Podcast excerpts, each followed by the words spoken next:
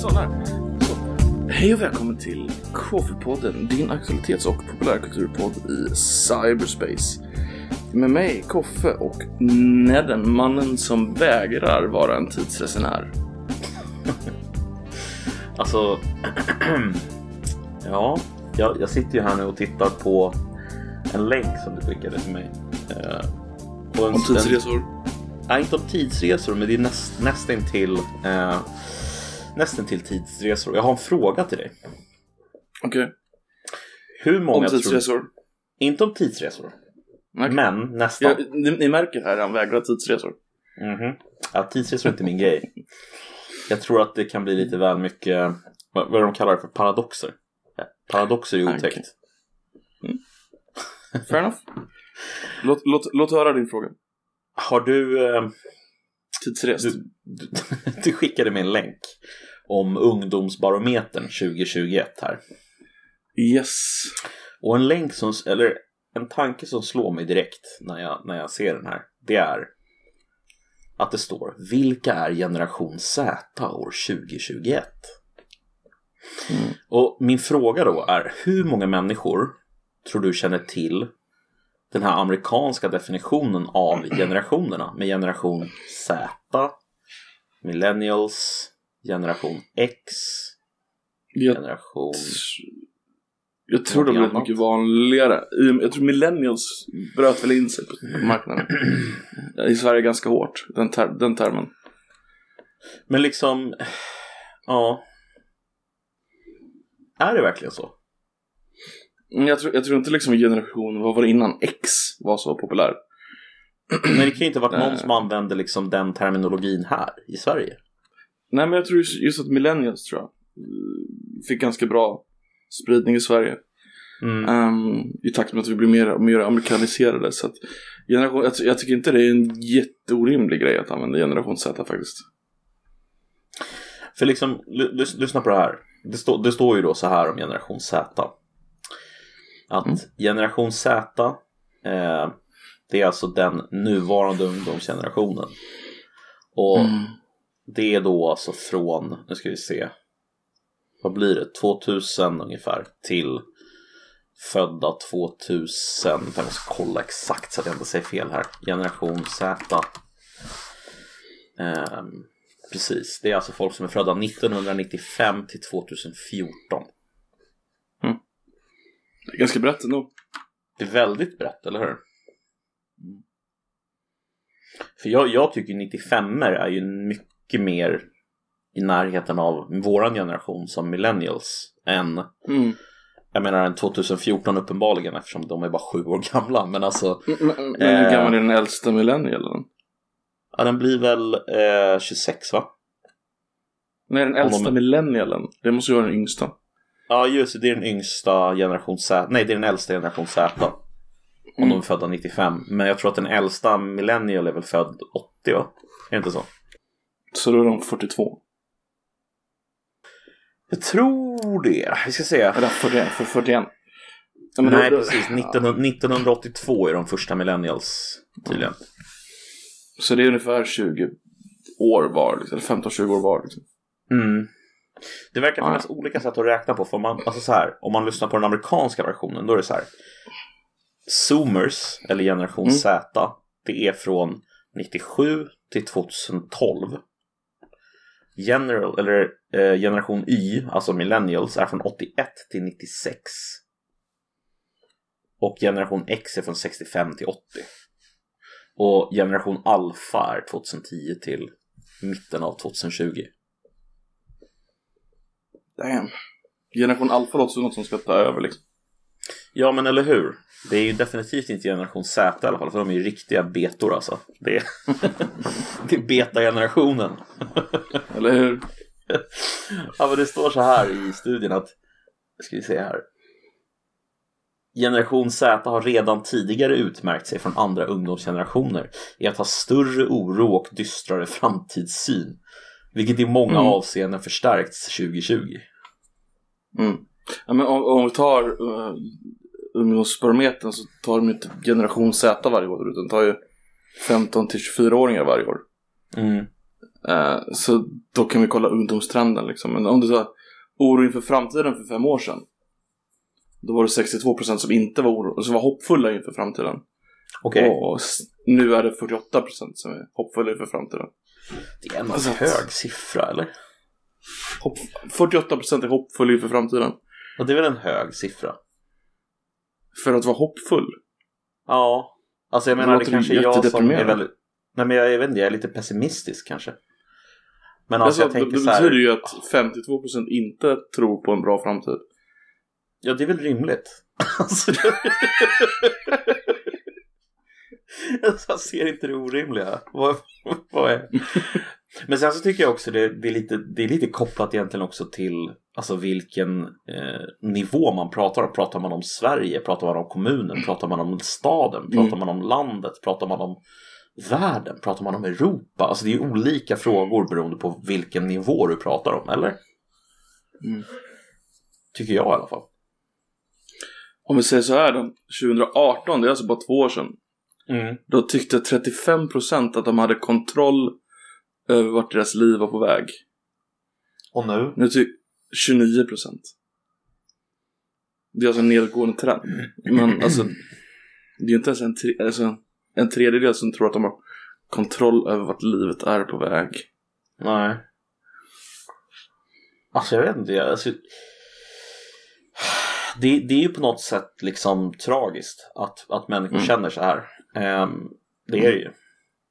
Men, men, men vad tror du det beror på? Alltså är det bara en fråga liksom om att vi har haft covid-året eller är det någon annan? Nej, nej, nej. Så det, det här är ju genom, alltså, det är ju tioårstrender på massor av de här. Så det är inte bara covid liksom. Det är det, covid har Så säkert har- förstärkt just i år. Men det, det, om man kollar på alla de här så är det ju långtgående trender som pekar åt samma håll. Vad tror du det beror på? Om vi köper påståendet då att, att vi Kan du, hela kan, du tiden speci- går... alltså, vi, kan, kan du specificera en fråga? För nu är det ju bara Nu är det något som vagt Väldigt vag fråga det där Jag kan precisera. Ehm, Mm. Om man tittar på ehm, måtten som eh, man mäter. Till exempel här Mm. har du ökade resurser till sjukvård och omsorg, miljö och klimatfrågor. Massa olika typer av frågor som folk helt enkelt eh, känner mindre förtroende för. Eh, Mm. Min fråga är så här, finns det någon bakomliggande faktor som vi inte, som inte är lätt att få syn på? Som är anledningen till att folk känner ehm, mer, känner sig mer pessimistiska och som leder till mer pessimism över tid.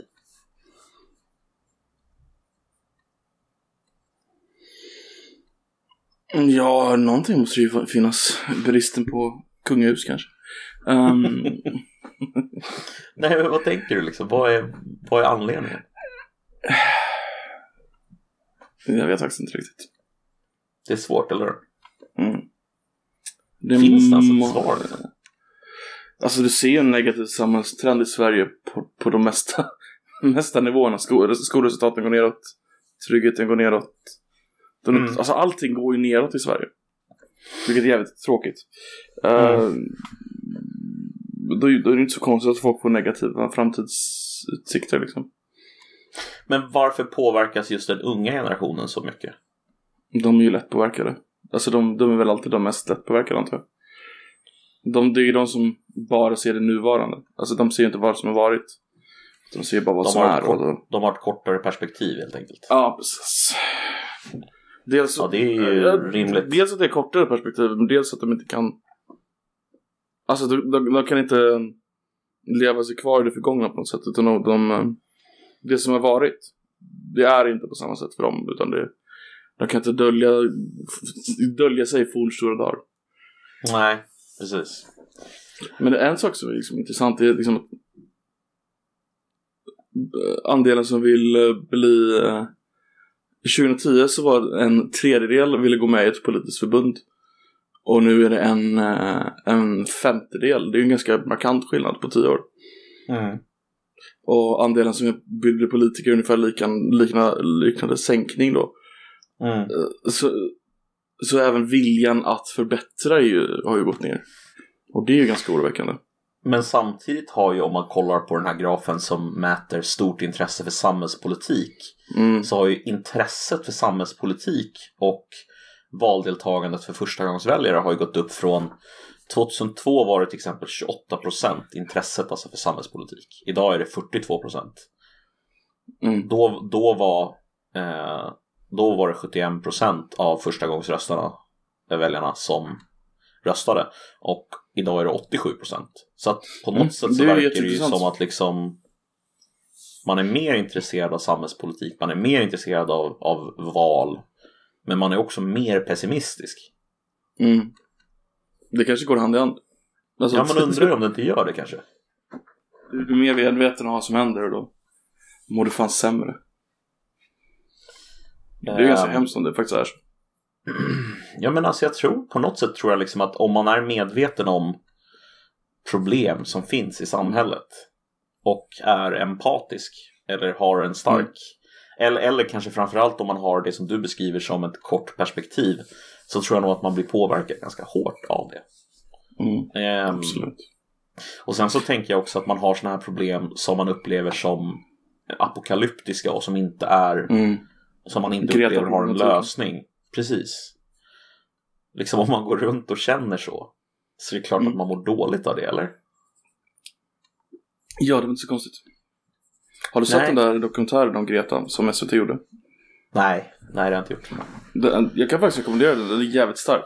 Um, då följer med henne på båten där, du vet, när hon åkte till eh, över, över plasket. Mm. Mm. Vägrar nämna havet. Ehm, Atlanten? ja, precis. Nej, men där är det en scen på den filmen som är så... Där man märker hur mycket hon tar på sig. För hon... Um, hon bryter ju, hon bryter ju i, i grund och botten samman på båten. Där. Mhm. Och så här, att hon vill inte göra det där, men hon känner att hon måste göra det för ingen annan gör det. Så man märker hur mycket hon liksom har... Eller uppenbart liksom hur mycket hon har tagit på sig och liksom hur, hur, hur verkligt det är för henne liksom. Ja, det, är, en det är en, konstig, ehm, det är en oerhört stark scen kan jag säga.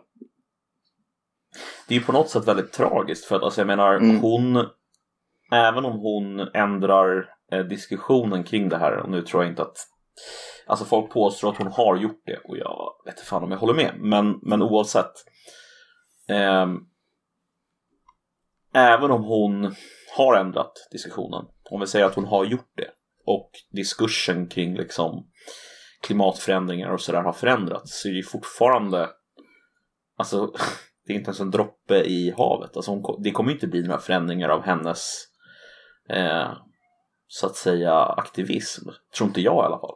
Och hur tar hon det? Osäker. Jag tror säkert hon hjälper till. Alltså hon, hon får ju vara med på alla de där mötena. Så alltså publicitet på alla sätt är väl bra på sitt sätt. Jo, jo. Alltså självklart. Men, men alltså de krafterna som hon har emot sig så att säga Mm. är ju Jag tänker, du har liksom Kina som Jo, jag vill, tänker. vill växa liksom. Det är klart att de kommer fortsätta att utnyttja eh, kolkraft så länge som det gynnar dem att göra det. Och att då argumentera för att de inte ska göra det med någon slags liksom argument om att nej men det här är ju dåligt för planeten och de är så här, ja men ni har gjort det här i 200 år. Jo, jo, Nu- men alltså, nu- jag tror- nu är det alltså, vår tur, liksom. Det är inte hon som kommer stå och debattera med Kina utan hon kommer ju hennes för hela funktion är att hon pushar på europeiska lagstiftare liksom så ska de bli hårdare för att de märker att folk vågen är där liksom. Mm. Så hon skulle ju aldrig gå, hon skulle ju aldrig stå one-on-one med Kina liksom. Utan hon är mer en representant för den här stora folktycket.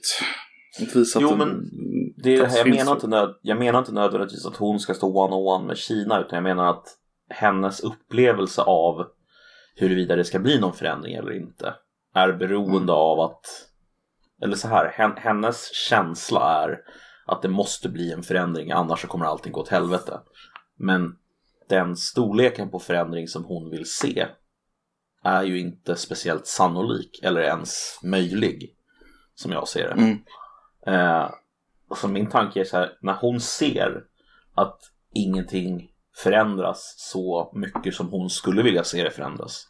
Hur tar hon det liksom? Ja, hon har ju autism så hon tar antagligen väldigt personligt. Men, men det, det märker man under dokumentären också. Det är ju Har du inte sett det när de... eh, Ja, det är synd- klart det är synd om henne. Hon blir ju lite frampushad där av sina föräldrar som någon... Inte Hennes pappa åkte med på båten va? Eller? Ja, ja, men alltså hon, hon klarar sig ju inte själv. Alltså, Nej. det framkommer också tyvärr. Hon så här, typ glömmer att äta och sånt där. Om inte hon har sin farsa med sig. Oj. Ehm, ja, det var ganska weird faktiskt. Um, nej, men hon klarar sig inte själv helt enkelt. Så han, han måste följa med henne på allting. Mm. Till och med på båten. Ehm, ja. Nej men det är klart. Klart att hon inte skulle må bra det. Herregud. Men jag, tror, jag tänker att föräldrarna tror nog att det är ett pris som är värt att betala. Ja, du tror att de är så cyniska så att de liksom utnyttjar henne i någon slags... Nja, jag tror inte de är cyniska. Jag hoppas inte de är cyniska. Jag tror bara att de tror att it's for the greater good så att säga. Mm. Så att även om, om hon mår dåligt av vissa grejer så kanske det är, det är värt det. Plus att hon, ja, hon är ju 18 nu så att. Ja, jo nu ja. Men hon var väl bara 16 när hon åkte över till USA. Eller var hon 17 kanske? 16 tror jag. 15 när hon började med protestera. Ja, just det. När hon satt ute vid eh, Regeringen, riksdagen. riksdagen. Just det. En fortsatt nedgående trend bland ungas välmående. Alltså jag vet inte, det, det, det känns som att det liksom Det har alltid varit en trend neråt, det har alltid trendat neråt. Men alltså hur, hur länge kan det liksom trenda neråt? Eller under våra liv har det alltid trendat neråt i alla fall. Och hur länge kan det trenda neråt innan det når någon slags Vad är Alltså, botten liksom? Ja, vad är botten liksom? En grej som jag blir väldigt förvånad på, det är om du går lite längre, så är det så här. Intresset att festa går neråt. Mm, Just det. Sånt där brukar, alltså när folk, alltså i pandemier nej, och allting. så, så står det ju inte. Det är så trendbrott, intresset för fest ökar. Ja, men om du kollar på hela, Jaha, du menar Charten. så. Ja, just det. Ja, jo, det är klart. Ja. Även om det ökade nu så har det trend- trendat det neråt har hela ökat tiden. Liksom. marginellt senaste året. Men sen senaste 20 åren så har det nästan, nästintill halverats. Men tror du inte det bara har att göra med datorer? Internet? Folk sitter vid datorn istället. Mm. Folk vill inte festa för de sitter hemma och surfar. Fan Ja, men alltså tragiskt jag egentligen. tror... Alltså jag tror... Jag, alltså, jag har ingen annan vettig förklaring på det i alla fall. Om Mm. det har gått från 72% som hade intresse för att festa Mm. 1999-2000 där till 45% idag. Mm. Jag menar, det är en ganska ordentlig minskning. Det är en enorm minskning. Jag tror det är tråkigt. Alltså, jag, tror, jag tror ungdomen behöver festa. Faktiskt.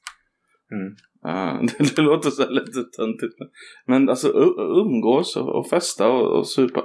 Kanske inte supa. Jo, supa. Kanske. Mm. Jo, sup. Ungdomen bör supa. Ja, alltså till viss, till viss nivå i alla fall. Kanske inte något så här, du vet, de behöver ju inte bli stupfulla liksom. Men de bör Mm. definitivt eh, utsätta sig själv för eh, viss, Mm. eh, vissa situationer som jag tror är nyttiga. Mm. Nu vill mer än hälften gå ut och festa liksom. Ja, det, alltså då får du tänka på att det där går ut till 24-åringar liksom. mm, Så det, det, är ju, det, det är ju fullvuxna människor egentligen. mm. Tekniskt sett. Men, men som lyssna, sl- lyssna på den här då. Eh, Mm. Här är alltså 2020, 2019 och 2007. Tänk nu på att 2007 då liksom drog den hela den här ekonomiska krisen igång också. Ehm, förväntningar som jag har på mig själv har alltså ökat från 2007 då det var 44 procent. Alltså det vill säga som kände sig stressade över förväntningar som de hade på sig själv. Till 57 procent. Eh, stressade över min utbildning 30 procent 2007 till 45 procent idag. Eh, kropp, vikt och utseende från 24 procent till 40 procent. Mm. Min ekonomi däremot, här är det intressant. 42 procent var stressade över ekonomin 2007, vilket är rimligt givetvis, givet att det var en Mm. ekonomisk kris av liksom enorma 2007 proportioner. året innan kraschen? Nej, alltså kr- kraschen drog igång eh, redan 2007. Därför att Obama tog ju makten 2000. Nej vänta, tog, han tog makten 2009, då har du fan rätt i. Det kanske redan... Men jag för mig att Fannie Mae och Freddie Mac var det som hände först.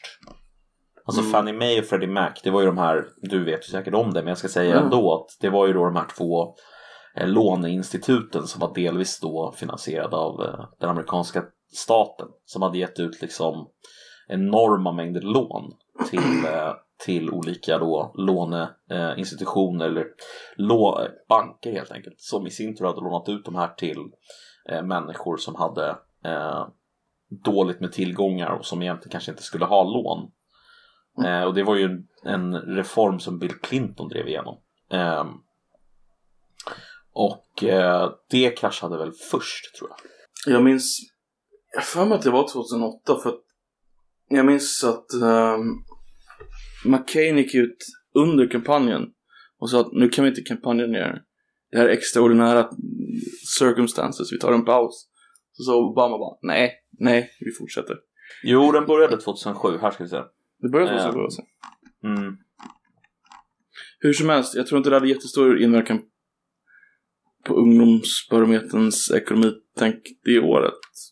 Nej, kanske inte. Men, ja. Ändå. Nej, men det, det, det är någonting, alltså, det är någonting tragiskt med, med att det liksom trendar neråt och trendat neråt så länge. Alltså vad är, Men- vad är alltså, ja men alltså över, överhuvudtaget liksom en ökad känsla av ensamhet, en Mm. ökad känsla av tristess, en ökad känsla av stress. Ehm, Kroppsoro eller vad det kallas. Mm, precis. Och jag menar den traditionella så här, eh, analysen är ju alltid så här. Ja men typ som tar kroppsoron och såna här grejer. Så Mm. bara, ja men det har att göra med att vi har eh, dåliga ideal i samhället liksom. Bla bla bla. Men jag tror snarare att det har att göra med eh, Alltså att man utsätter sig själv för de här sakerna mycket mer idag. Mm. Genom Twitter och Instagram. Jag tänker och, Instagram, precis. Du har sett den där uh, subredditen Instagram reality eller? Mm. Eh, Men du kan väl berätta lite om vad det är för något? Ja, alltså det, är- det är ju jättemånga som använder Instagram i världen som ni vet, ungdomar. Nej men det, det, de, de tar bilder folk, har- som folk har postat på sin egen Reddit, på sin egen Instagram. Där de är då jätteuppsminkade och ser antagligen jättebra ut. Och så visar de en bild som någon annan har tagit på samma person då. Där de inte är så Mm. pass uppsminkade. och Så. Det är ju en total jävla skillnad. Den, den mest populära är väl den här en av, är det, är det Kylie Jenner i eh, familjen eh, Kardashian där.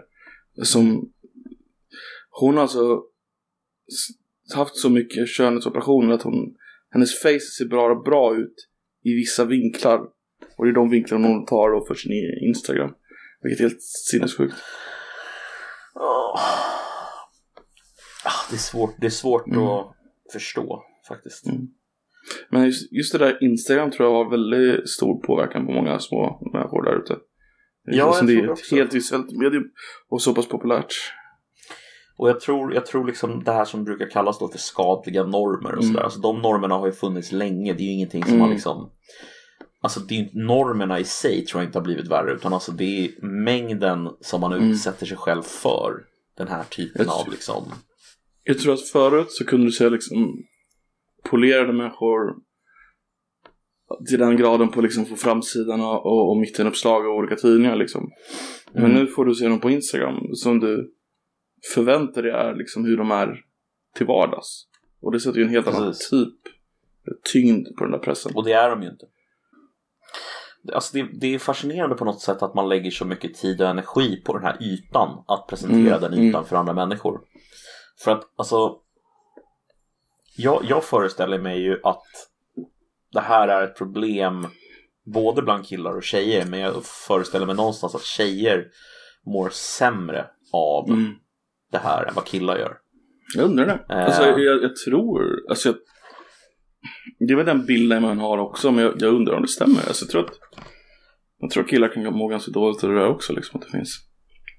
Det, det tror jag i och för sig också. Jag menar inte Mm. nödvändigtvis att killar inte mår dåligt av det. Mm. Eh, men jag tror att killar generellt är mer intresserade av eh, andra saker. Alltså tänker att liksom tjejer, min bild av tjejer i alla fall, Mm. är, en är att de har en tendens att stirra sig lite blinda på den här typen av sociala medier, alltså Instagram, eh, bloggar, alltså där de liksom sitter och läser och lyssnar på alltså sminktips och ja men du vet, alltså utseende fixeringen känns starkare hos kvinnor än vad det känns Mm. som att den är hos män.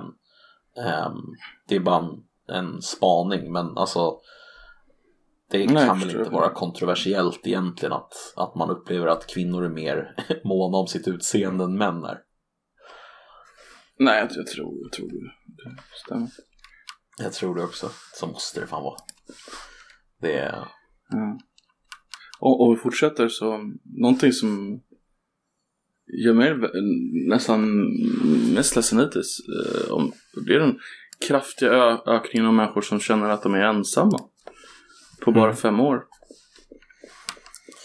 Ja, 2000 faktiskt. För fem år sedan så var det bara 15% av ungdomarna som kände sig 15% är ändå ganska mycket. Mm.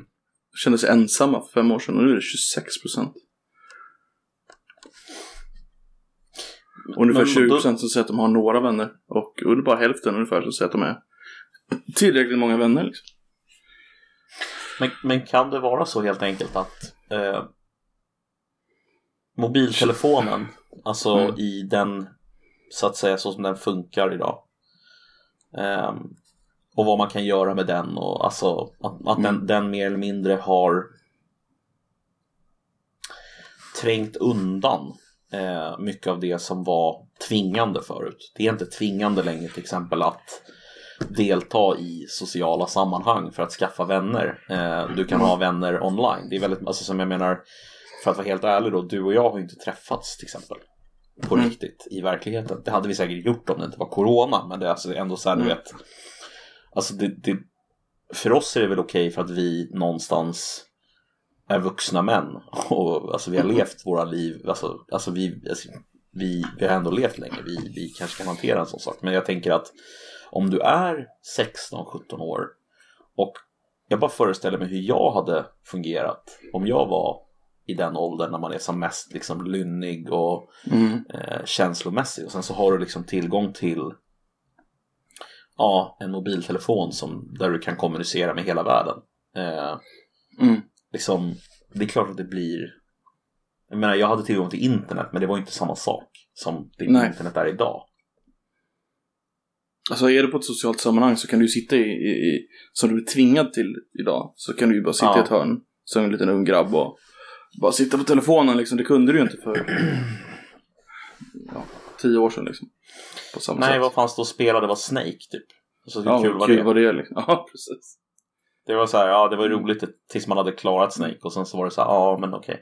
Och då, och då tvingades man ju hitta folk. Så man, alltså alla, alla som är över 30 har ju minnet av att du har varit på någon ungdomsfest eller någon, något sånt, alltså inte ungdomsfest men så här föräldrafest eller sån här, någon sån här stor Mm. fest och sitter de bästa kompisen för, för kvällen liksom. Eller var på familjesemester på någon ort och då hittar man också så här bästa kompisen på veckan liksom. Alltså så här korta kontakter liksom. Alltså man Mm. Kunde liksom hitta folk då. Men idag Precis. så sitter ju bara folk Alltså i, idag sitter säkert ungdomarna bara vid, vid poolen med telefonen istället liksom. Och så får de inte prata med de andra ungdomarna för de är läskiga liksom. Ja, och det behövs ju liksom inte heller. Alltså, du, du, du har ju inget behov av att prata med, med eh, Mm. resterande eh, Alltså, jag tror du har- om du inte vill. Jag tror du har det sociala behovet men att du, det liksom, du, du döljer det liksom. Med hjälp av telefonen, jag. Ska jag göra som han, eh, vad heter han, vdn för något, är det Percy Barnevik? Som helt vansinnig när glassbilen kommer och går ut och skär deras däck med kniv. Kommer du ihåg det? göra? Det, det var inte Percy, jo det var han, jo han som, han som, som Malmö, Malmö-snubben. Är inte det Percy Barnevik? Jag tror det. Jag tror det var han som gick ut och bara satte en kniv i däcket på en, eh, Ja, på en det arg bra. alltså. Bra grejer. Folk gör inte sånt där längre. Det är synd. Mer kniv i däck, mindre, mindre mobiltelefoner. Är det det vi... Är det slutsatsen?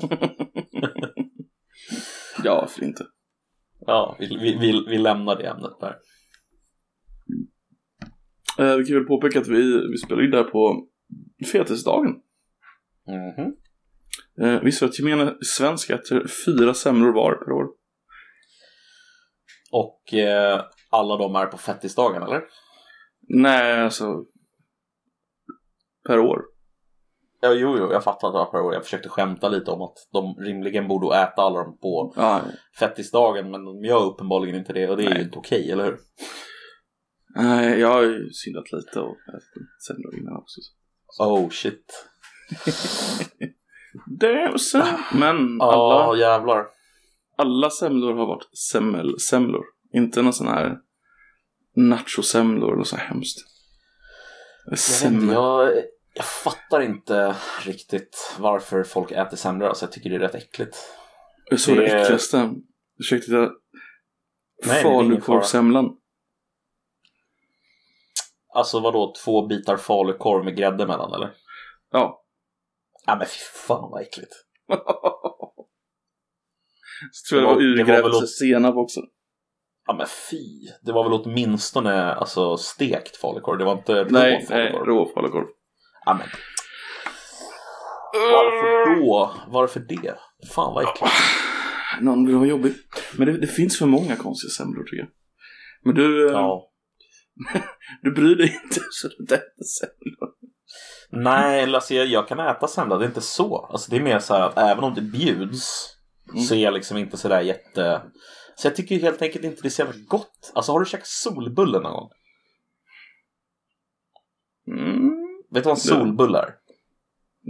Det är väl bara i princip ett semlebröd utan någonting annat va? Precis.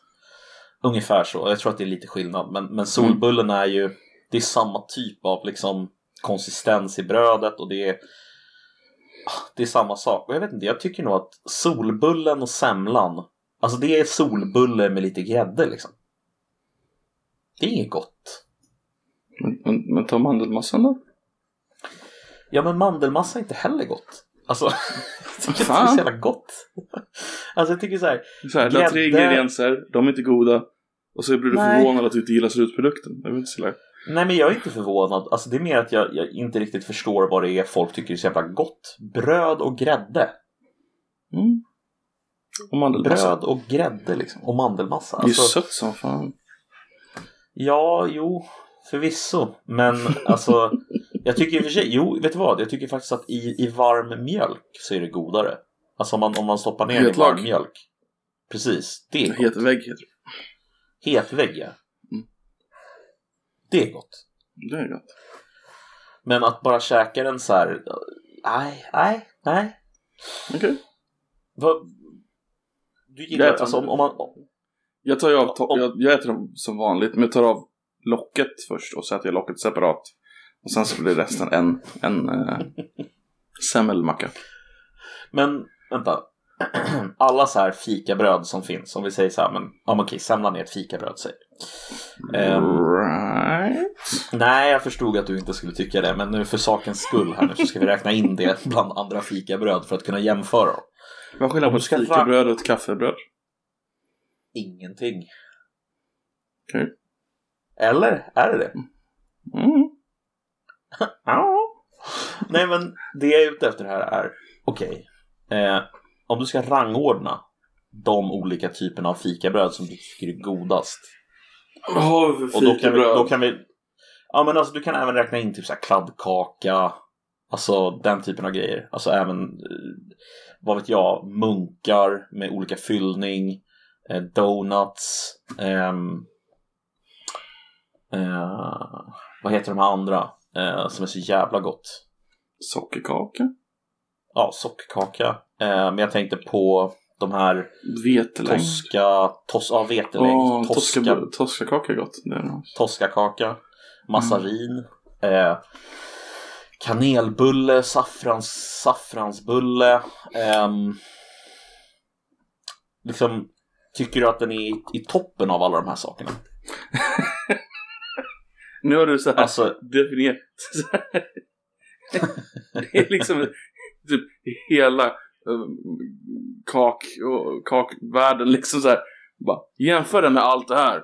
Inte någon här är bättre. Någon är väl bättre. Liksom. Jo men Det är så här alltså så här. desperat försök. Ja men det är inte så jag menar. Jag menar så här, du går till, du går till din lokala ICA till exempel. Mm. Och så går du fram till liksom eh, där allt sånt här finns.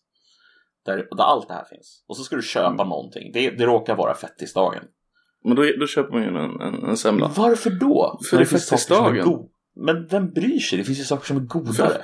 Folk som har moral bryr sig. Folk som har moral.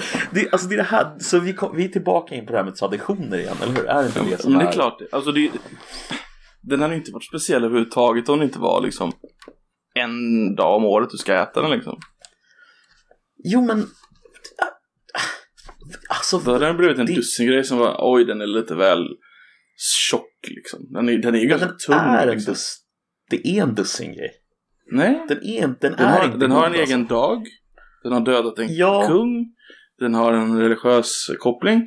Och den har, den har, här, här får du äta den. För, förr i tiden var det fan straffbart att sälja det innan. Du vet det va? Vadå? När vi hade Nej, det hade jag ingen sedlighetsroten. aning om. sedlighetsroten eller, eh, kom runt och så kollade de bageriet. Att de inte Och bara nej, nej, nej, nej, nej, nej, nej, nej. inga semlor. fick böter om man sålde semlor för tidigt. Fy fan vad... Alltså, på sätt och vis en bättre och en sämre tid. Jag Alltså, tycker både det är en absurd jävla charm att ge böter för sånt där. Ja, Mm. och jättehemskt. Jag skulle inte vilja leva i det samhället. Men jag vill också leva i det samhället. Ja, eller hur? Alltså, är du med? Alltså, det är mm. någonting nice med det. Så här, nej, du ska inte äta semla. Det är... Glöm det. Ursäkta, Hade man- en semla? Nej, Det, det är onsdag idag. nej. Ner! Ner! Men liksom... Infaller den alltid den 16 februari? Nej. Det kan det väl inte bli? Den är kopplad till tisdagen. Det är, det är kopplat till tisdagen. Alltid, Mm. eller ja, uppenbarligen från fett tisdagen. Men alltså... ehm, vad är det den tredje tisdagen? Andra tisdagen? I februari då? 47 dagar före påsk. 47 dagar före påsk, okej. Mm, det kan vara den första. Det, det, det, påsk har att göra med eh, fullmåne. Mhm. Just det. Vilket är lite Alltså, absurt. Ja, Eh, det är jättekonstigt. ehm, för det är en gammal judisk högtid från början. Um, och för judar älskade fullmånen bara så vet. Ehm, Passover. Mm. Men du vet, passover. Full, ja. Eh, Så men det, det handlar om att det är 47 dagar innan för du ska fast, fasta i, i 40 dagar. Och sen har du påskveckan. Så den kan, den, den, kan vara, den kan vara jättetidig. Den kan vara typ första tisdagen. Den kan vara, den kan vara ända, ända in i mars också. Vet du. Kan bero lite på när, när det är. Alltså tror du, att, tror du att anledningen till att unga mår så dåligt är för att de inte käkar semla på fettisdagen? Utan att de käkar semla lite när de vill? Alltså på riktigt. Och det här kommer inte du Ja. gilla. Men hade Nej. vi haft lite mer sådana riktiga institutioner så som att du fick bara sälja semlor på fettisdagen Mm. och, och du blev straffbart att inte göra det och hade en här väldigt rigid struktur så Mm. tror jag att vissa hade mått mycket bättre. Absolut. Alltså jag tror faktiskt också det. Ehm, det Att Jag det finns ett helt samhällssystem liksom, så här, som, som organiserar sig. Alltså lys- lyssna på det här nu för att du kommer inte gilla det här. jag, jag tror att det kan stämma, det du säger. Mm. Men jag skulle inte vilja ha det så ändå. Mm. För att det vore fan inget kul samhälle heller. Ehm, man vill ju kunna få bestämma själv. va? Det, det, det, det, det är det som är Det är det det slutändan handlar om. Så här. Alltså, kollektivistiska lösningar kontra Mm. individualistiska lösningar på problem. Där det är så här, nej men du ska göra som jag vill. Och jag känner bara så här, men jag vill inte det. Vill inte ge! Nej men, nej men, nej Men men, det handlar här, inte om att göra som någon annan vill. Det handlar ju om att göra vad man tror är bäst för samhället. Fast, inte, alltså, inte, inte att det står två viljor mot varandra utan det handlar ju om samhällsbygget liksom. fast alltså vem bestämmer vad som är bäst för samhället? en utomparlamentarisk kommitté bestående av mig. Nej, men du hör ju själv att det, inte, det, det argumentet funkar ju inte Koffe. Eftersom någon bestämmer ju vad som är bäst för samhället i det här fallet då.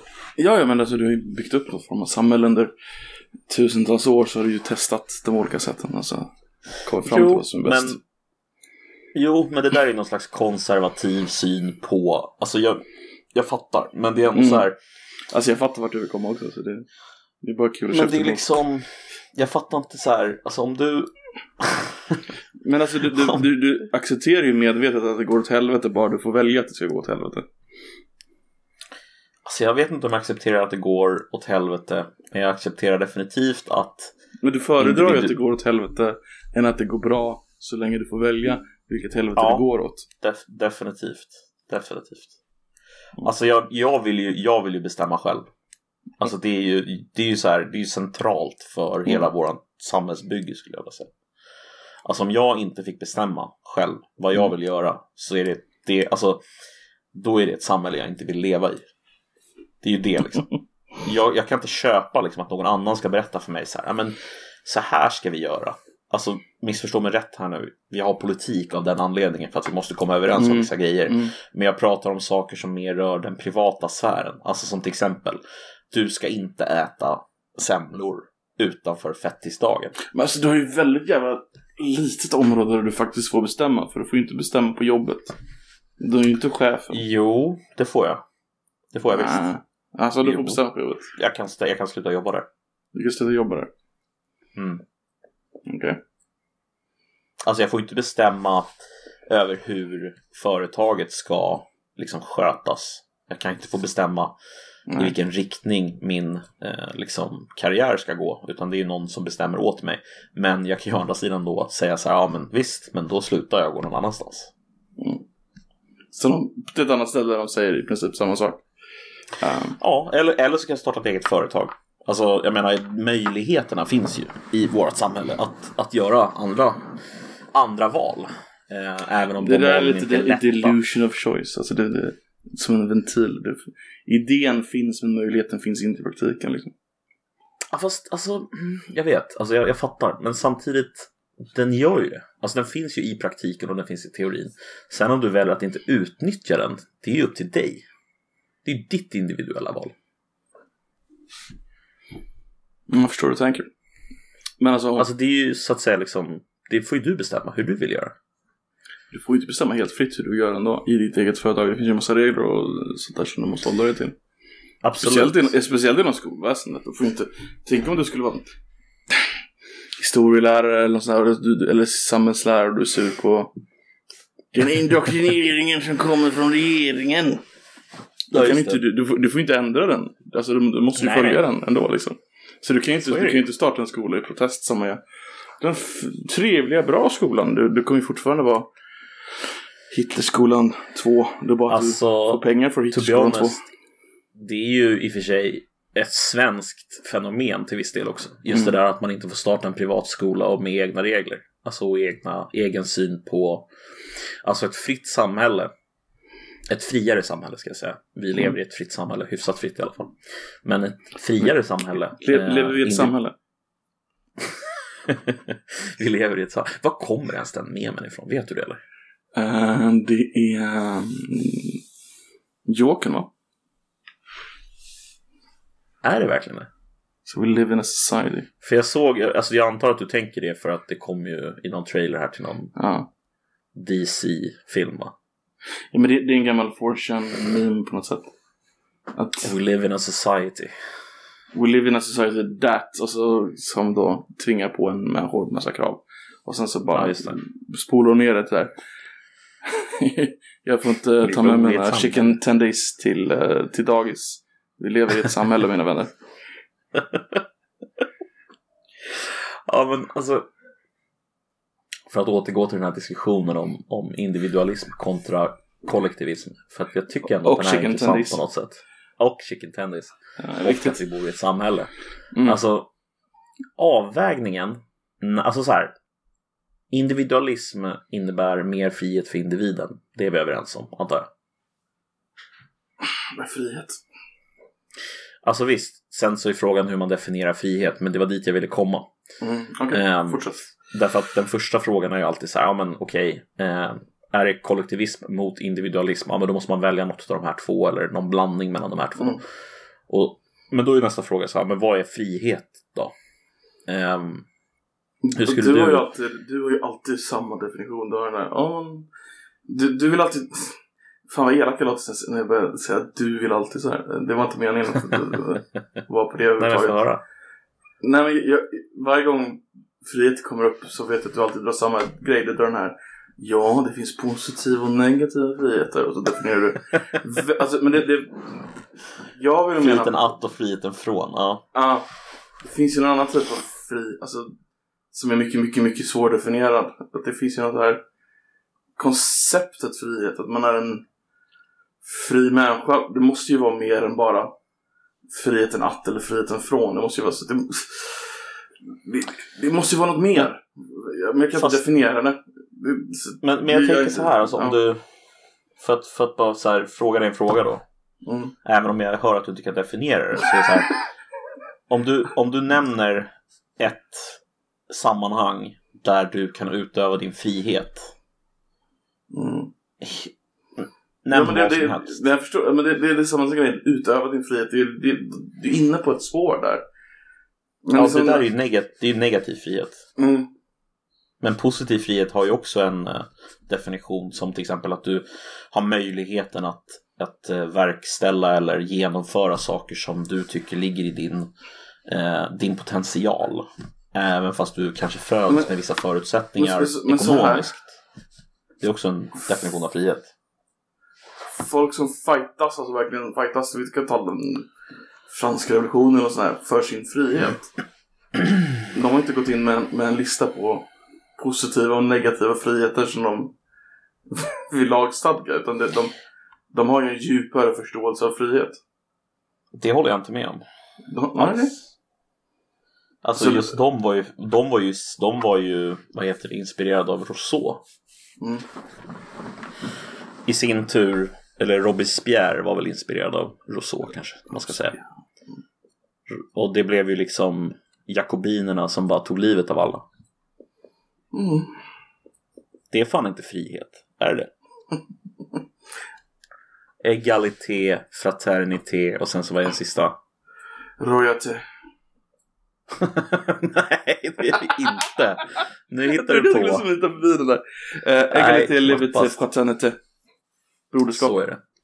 Just det, broderskap. Så frihet, Jämlikhet. eh, nej, jämlikhet och broderskap. Exakt. Och det är någon slags, det är ju mer åt det positiva frihetshållet än åt det negativa frihetshållet. Mm, jag menar mer alltså, när de verkligen försökte övertyga, alltså när de står på barrikaden och skriker för, för frihet liksom. Då, Mm. har, då, då har du någon, någon djup idé om frihet som är liksom animalistisk liksom. Det är inte, det är inte uttänkt Men utan det är bara vi, vi vill vara fria, vi vill vara fria från tyranniet. Ja, kanske man kan säga det. Att det är en slags positiv och negativ frihet eller i så fall om definierar sig tyranniet. Mm. Ja, så jag tänker att alltså, deras definition av frihet är ju mer åt socialismhållet och det är ju positiv frihet. Alltså det är, ju, det, är ju, det, är ju, det är ju liksom någon slags friheten att få möjligheten att göra saker på ett visst sätt som man inte har möjligheten idag att göra typ. Medan om du kollar på till exempel den amerikanska eh, alltså, eh, frihetskampen. Den är ju mer om friheten från någonting liksom. Mm. Ju Jag säger inte att det ena är rätt och det andra är fel. Alltså jag säger inte, säger inte det. Även om jag själv föredrar negativ frihet så menar jag inte att den andra definitionen är en sämre variant av frihet. De- det är inte alltså- det jag säger. De är ju väldigt inspirerade av varandra egentligen. Alltså de skulle inte, alltså de... Just amerikanska och, och franska revolutionen. Mm. Mm. Jo, jo, men absolut. Men alltså, man måste väl ändå kunna säga liksom att Jag, vet inte, har du läst, har du läst Max Webers eh, eh, Den protestantiska etiken och kapitalismens anda? Nej. Alltså han går ju igenom egentligen där att det som gav upphov till den amerikanska självsynen skulle man kunna säga, alltså Mm. och som han Ja. gav upphov till kap- kapitalismen. Mm. Nej, säg vad du ville säga. Jag funderar på om de här, de de amerikanska idealen som antagligen då Max Weber kommer att prata om är om de var en del av revolutionen eller om de uppstod efter revolutionen. Innan, menar jag. Mm. Han menar, att de uppstod med, han menar att de uppstod med puritanerna. Mhm. Han menar ju liksom att alltså, puritanerna när de flydde från, eller flydde, men alltså när de stack från eh, Storbritannien och Holland Mm. så, vad heter det, var det ju på grund av religiöst förtryck i Absolut. sina länder. Och när de kom till, eh, till exempel då till USA eller till östkusten där de grundlade de här kolonierna så hade de ju med sig någon slags självbild eh, av att de var då förtryckta. Mm. Och alltså, det var ju, de var ju, de, ehm, de trodde ju på predestination. Ehm, Mm. vet du, vad, du vet ju vad predestination är, men jag kan förklara det. Det är ju att de trodde helt enkelt inte att det gick att påverka huruvida du hamnade i himlen eller helvetet. Det var liksom bestämt på förhand. Ungefär som Eh. svensk ungdom ser på sitt liv. Ja men precis, exakt så. Och eh, det ledde till en ganska, alltså det här är Max Webers idé då, att det här ledde till en väldigt stark ångest. Och det enda sättet att göra sig av med den här ångesten, det var genom att eh, eh, arbeta för att få ett så bra materiellt ställt liv som det var möjligt.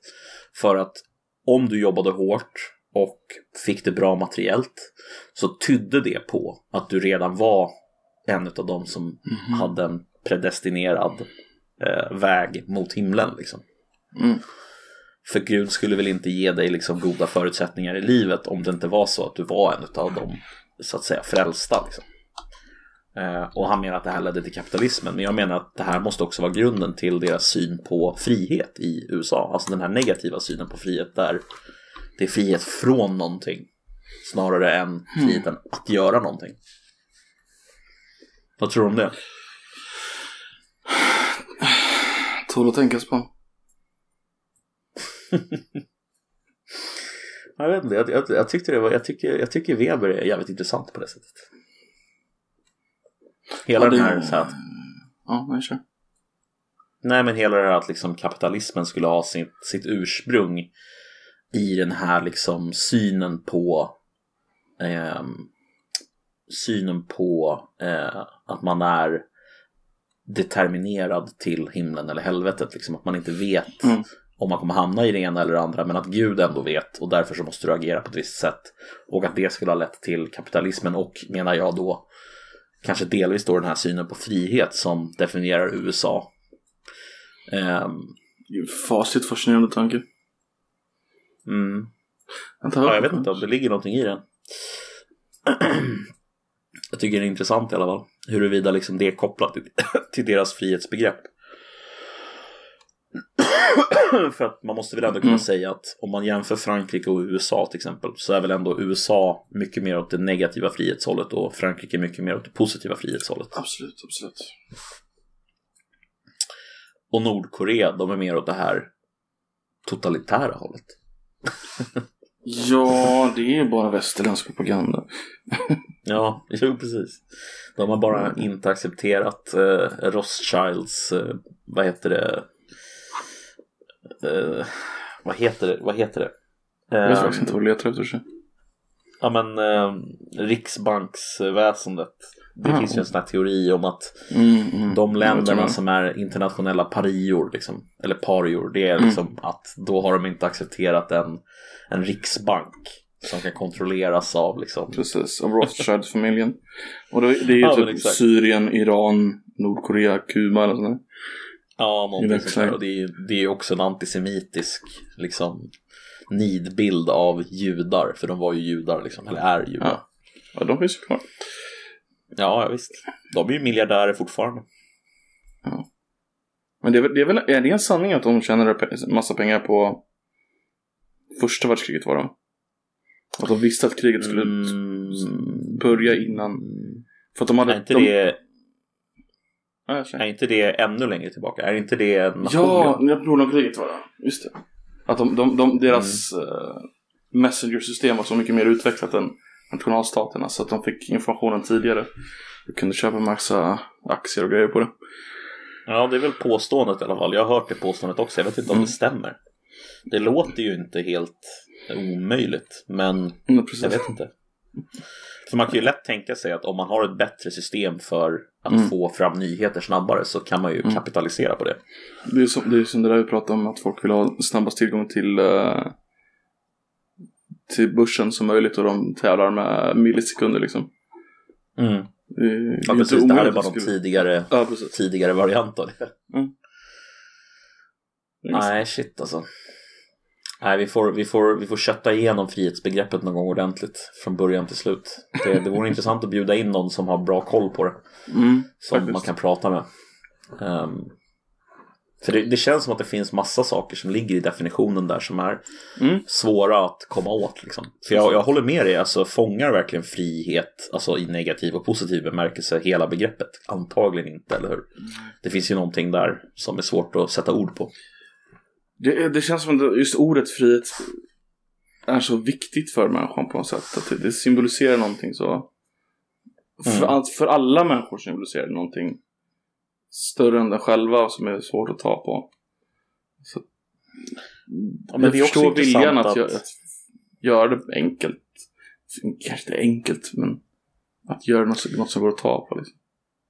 Men liksom, det spelar ju nästan ingen roll vilken, vilken liksom eh, Det är till och med svårt för att man börjar definiera som frihetsrörelse. Alltså det, det är det som är problemet. För att det är så här, nästan alla rörelser historiskt Mm. som har bedrivit en kamp mot någon överhöghet har ju gjort det i frihetens namn ofta. Så här. Men för att Mm, mm. det är det som är den drivande drivkraften liksom, bakom Mm. att man vill vara fri från någonting. Eller att man vill kunna bestämma själv eller whatever. Men Mm. alla de här har ju liksom, de har ju pratat om frihet men de har ju säkert förstått frihet helt olika. Ja, alltså till och med Till och med Jamestown heter det va? Var väl säkert en frihets... De ville väl ha frihet. Ja just det, du menar ehm, han, han pastorn. Ja. Just det. Som dödade hela sin- sin jävla flock. mörk jävla berättelse det är alltså. Men det måste ju, de måste ju tro att de mötte någon form av frigörelse i alla fall. Frihet. Ja men har de, inte, har de inte visat på att väldigt många av dem som, som drack av det där blev tvingade med vapen att dricka? Jaha. Kanske de gjorde. Det har jag fått för mig. Jag tror det. Jag tror att det finns bevis på det. Jag har ju lyssnat Ehm. på inspelningar faktiskt. Det, det framkommer inte Jag har lyssnat lite. vapen, men det, det, är inget man hör eller de inte använder dem. Men har du lyssnat på, alltså finns, den är väl inte hela eh, händelseförloppet va? Ja, det är en timme alltså. Ja det är en timme alltså. Mm. Fy fan vad mörkt. Ja, det...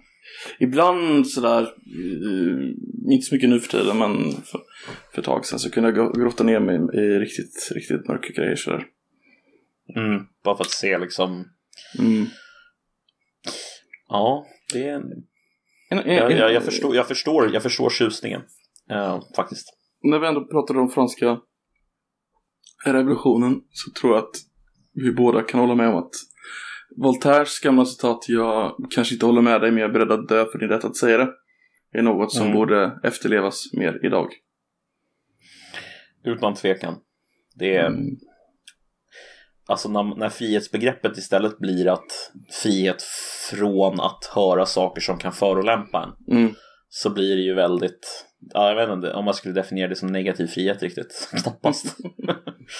Någon någon skulle slags, säkert kunna göra eh, det. Alltså, Absolut. Och det är väl det här som är problemet med, med att försöka definiera frihet som liksom en av två saker. När det helt uppenbart är ännu mer komplicerat egentligen. Det är Mm. ju ett jävla virrvarr av idéer och tankar liksom. mm. Ehm, men ja, trist. trist, med, trist med, vad heter det, eh, kidsen i ungdomsbarometern, att de mår dåligt. Det är inget bra. The kids aren't alright. Som uh, vi kallade det vad som aren't sa. right. Vem Vilken- var det? Ehm, offspring va? Det känns som att eh, Ja, det var det va? Mm. Som även har andra dängor som eh, eh, Den här låten om att knulla någon mamma eller sådär. Vad fan den går? Ixnande ombre, vet jag, jag ska kolla. Eh, de hade väl Pretty Fly for White Guy som var det stora. Ja, men de har ju någon jävligt absurd låt Aha. på X9 Ombre som typ... Ah, skit i det. Det är ett sidospår. Det är ett sidospår. Allting är ett sidospår egentligen. Så är det. Ja. Sant, sant. Men eh, ja, Yes.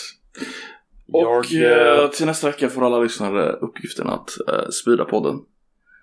Precis. Så mycket ni kan. 15 nya människor var.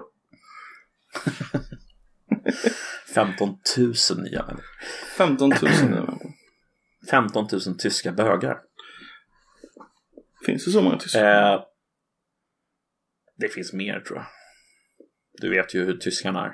Det är läder och piskor för hela slanten. Hur stor andel av eh, befolkningen skulle kunna vara bögar innan populationen började gå neråt? Ja? Oj. Det måste ju nå Alltså- peak bög någonstans. Peak bög. Ja, men rent distributionsmässigt. ja, ja, absolut. Jag säger ingenting om det. Jag tyckte bara begreppet var jävligt roligt. Peak bög. Som peak oil eller peak gold eller Mm. peak bög. Ja. Ja, jag håller med. kanske någonstans runt 20-30% kanske? Skönt att man försöker här, svara på frågan seriöst. Mm. Undrar, var, undrar var gränsen ligger för peak bög. Hmm. Hmm. Jean-Pierre Barda. Också rätt peak bög. På tal om judar. Mm, ja, är han jude också? Han är jude. Ah, Han, bo, han bor i Israel till och med. Shit. Det är, han, han, han har många saker emot sig alltså. Det är någon slags... Eh, Wow. Ja, hemskt stackarn. Ehm, och med det så tackar vi för att ni har lyssnat på Koffepodden den här veckan. Tack för oss. Och tack och hej. Eh, Lever på steg. tack, tack. Tjo.